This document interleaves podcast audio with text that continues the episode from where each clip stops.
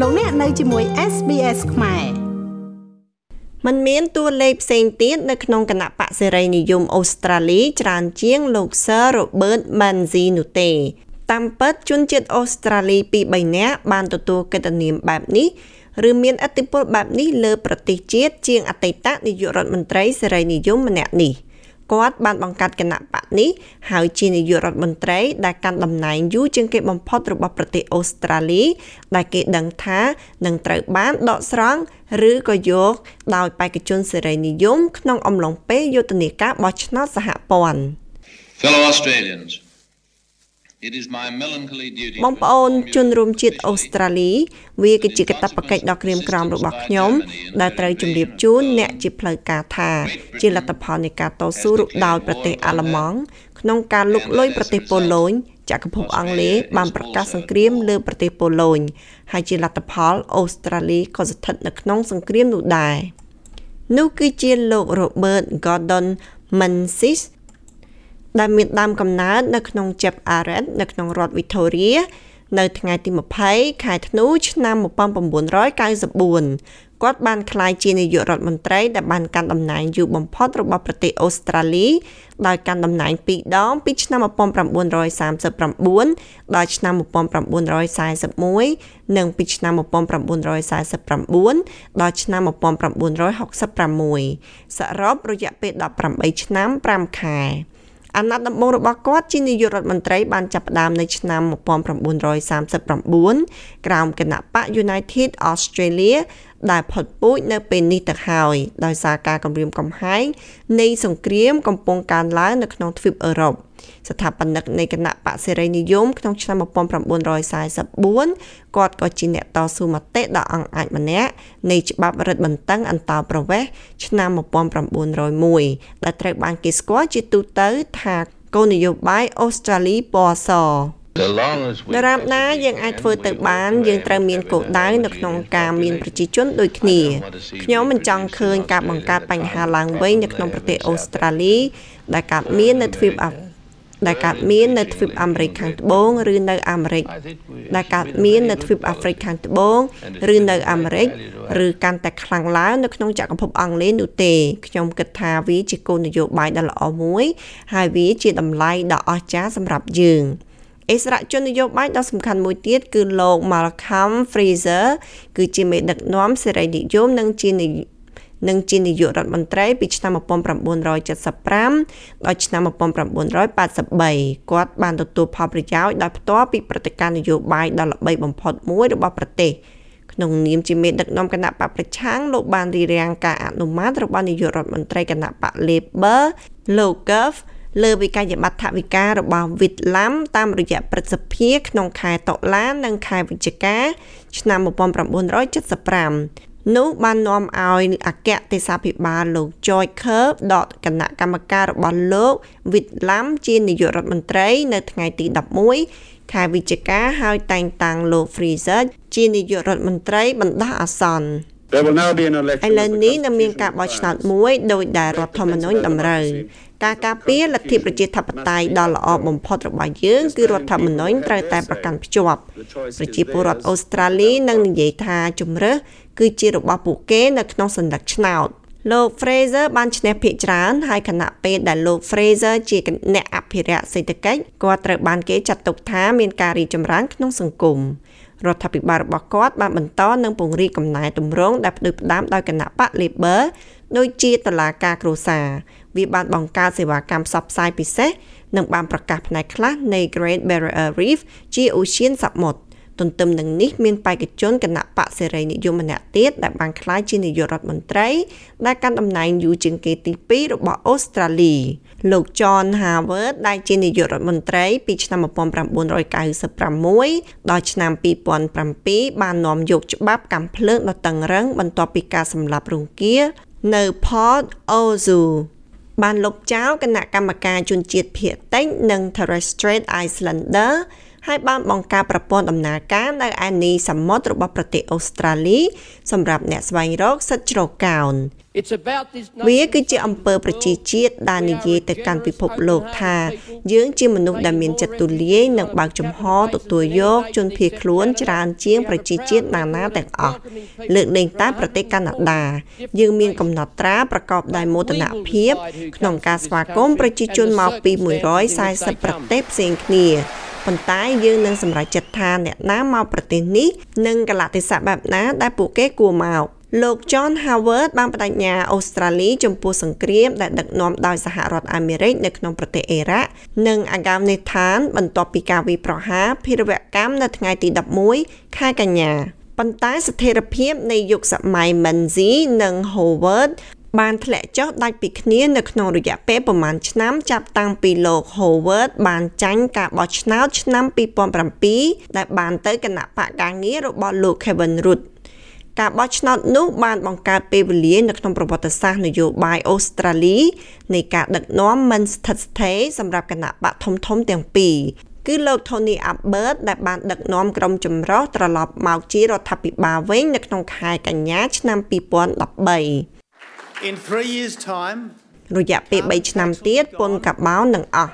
ទូកនឹងត្រូវឈប់ថាវិការនឹងដើរលើផ្លូវទៅរកកំណានដែលគួរឲ្យជឿទុកចិត្តហើយផ្លូវសម្រាប់សតវត្សទី21ទីបំផុតនឹងដំណើរការបានល្អប៉ុន្តែលោកអាបឺតត្រូវបានទម្លាក់ចេញពីតំណែងជាមេដឹកនាំគណៈបកនិងជានាយករដ្ឋមន្ត្រី មិនមែននៅក្នុងការបោះឆ្នោតមួយនោះទេប៉ុន្តែនៅក្នុងការប្រជុំមុខទៅនឹងការដឹកនាំរបស់លោក Malcolm Turnbull នៅក្នុងខែកញ្ញាឆ្នាំ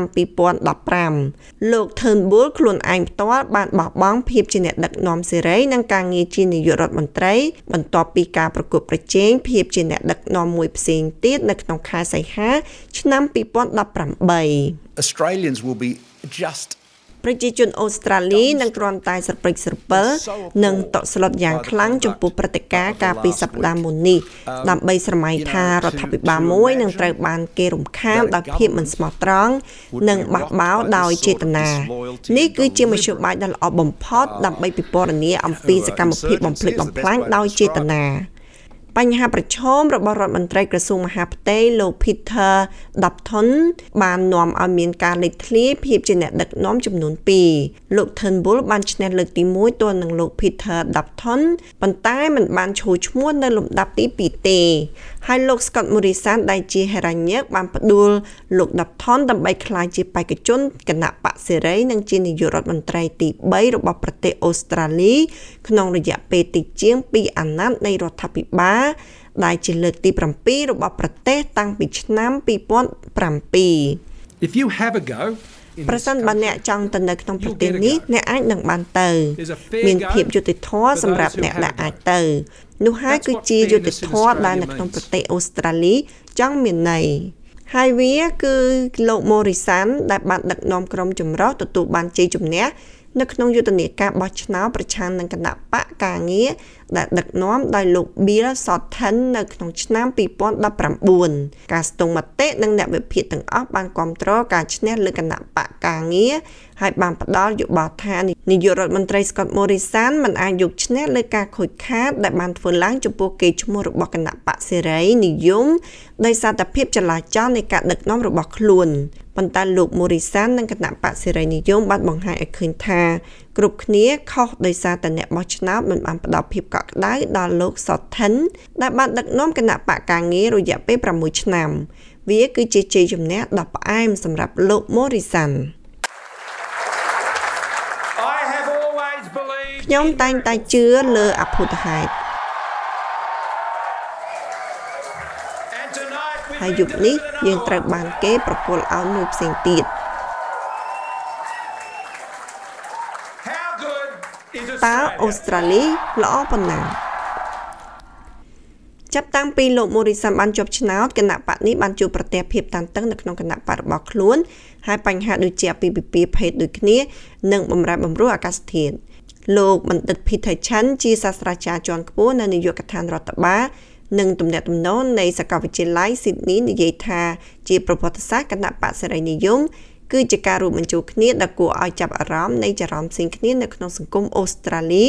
ដែលវាមានតាំងពីដើមសតវត្សទី20មក The Liberal Party has this tradition គណៈបក្សសេរីនិយមមានទំនៀមទម្លាប់នេះថាលើបញ្ហាមួយចំនួនសមាជិកសភាម្នាក់ម្នាក់អាចបោះឆ្នោតដោយមនសិការរបស់ពួកគេ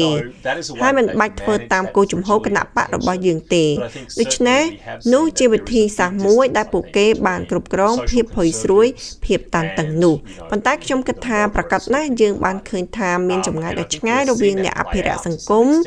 និងក្រុមអ្នកសម្របសម្រួលនៅក្នុងគណៈបក ហើយខ្ញុំគិតថាយើងកំពុងមើលឃើញថាមានបញ្ហាខ្លះបានកើតឡើងបង្កបរិយាកាសមិនល្អលើបេក្ខជនឯករាជ្យដូចជា Zali, Stelagal និងអ្នកដទៃទៀតដែលដូចគ្នានេះនៅលើក្រដាសស្នាមបេក្ខជនទាំងនោះភាគច្រើនប្រហែលជាគណៈបកសេរីនិយមពួកគេនឹងធ្វើដំណើរជាមួយនឹងគណៈបកសេរីនិយមហើយបើពួកគេមិនធ្វើដំណើរជាមួយគណៈបកទេនោះបង្ហាញថាមានមូលហេតុអ្នកដឹងទេគឺពួកគេមានបញ្ហាដែលពួកគេកំពុងប្រឈមនៅក្នុងគណៈបក ហើយត្រូវដោះស្រាយបញ្ហាសំខាន់នេះក្នុងបរិយាកាសដ៏ស្មុគស្មាញលោកបណ្ឌិតឈិនមានប្រសាសន៍ថាគណៈបកតែងតែគ្រប់គ្រងការបែកបាក់ធំធំ នៅក្នុងគណៈបករបស់ខ្លួនចាប់តាំងពីការបង្កើតនៅឆ្នាំ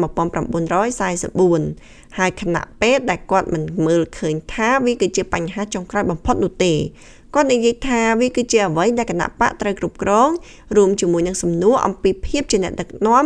និងឯកភាពគណៈបកនៅក្នុងការឈានទៅរកការបោះឆ្នោតបន្ទាប់នឹងលើពីនេះ។ one of the the things that's been រឿងមួយដែលទទួលបានការរាយការណ៍យ៉ាងច្រើននាពេលថ្មីថ្មីនេះគឺច្បាស់ណាស់ថាអំពីការវិប្រហារទៅលើសុចរិតភាពនិងភាពស្មោះត្រង់និងអកប្បកិរិយារបស់នាយករដ្ឋមន្ត្រីហើយយើងរស់នៅក្នុងអ្វីដែលពេលខ្លះយើងហៅថាប្រព័ន្ធប្រធានាធិបតីយើងមិនមានប្រធានាធិបតីប៉ុន្តែនាយករដ្ឋមន្ត្រីគឺជាអិសរាជជនសំខាន់ជាងនៅក្នុងទស្សនវិជ្ជានយោបាយរបស់យើងក្នុងប្រមាណទសវត្សរ៍ថ្មីៗនេះ ដោយសារហេតុផលផ្សេងៗគ្នាដូច្នេះហើយការវិប្រហារទៅលើតួលេខមេដឹកនាំអាចប៉ះពាល់ដល់គណៈបកទាំងមូលដូច្នេះខ្ញុំគិតថារឿងទាំងនេះគឺអំពីភាពជាក់លាក់និងការរួបរวมរបស់គណៈបកនឹងក្លាយទៅជារឿងសំខាន់សម្រាប់ក្រមសេរីនិយមដើម្បីដោះស្រាយដែលឈានទៅដល់ការបោះឆ្នោតហើយពួកគេមានពេលតែប្រហែលសប្តាហ៍ប៉ុណ្ណោះដើម្បីដោះស្រាយវាអត្ថបទនេះរៀបចំដោយ Peggy Coagomilo និងប្រាយសម្រួលដោយនាងខ្ញុំ Lau Dane សម្រាប់ការផ្សាយរបស់ SBS ខ្មែរចង់ស្ដាប់រឿងក្រៅបែបនេះបន្ថែមទៀតទេ ស្ដាប់នៅលើ Apple Podcast Google Podcast Spotify ឬកម្មវិធីដទៃទៀតដែលលោកអ្នកមាន។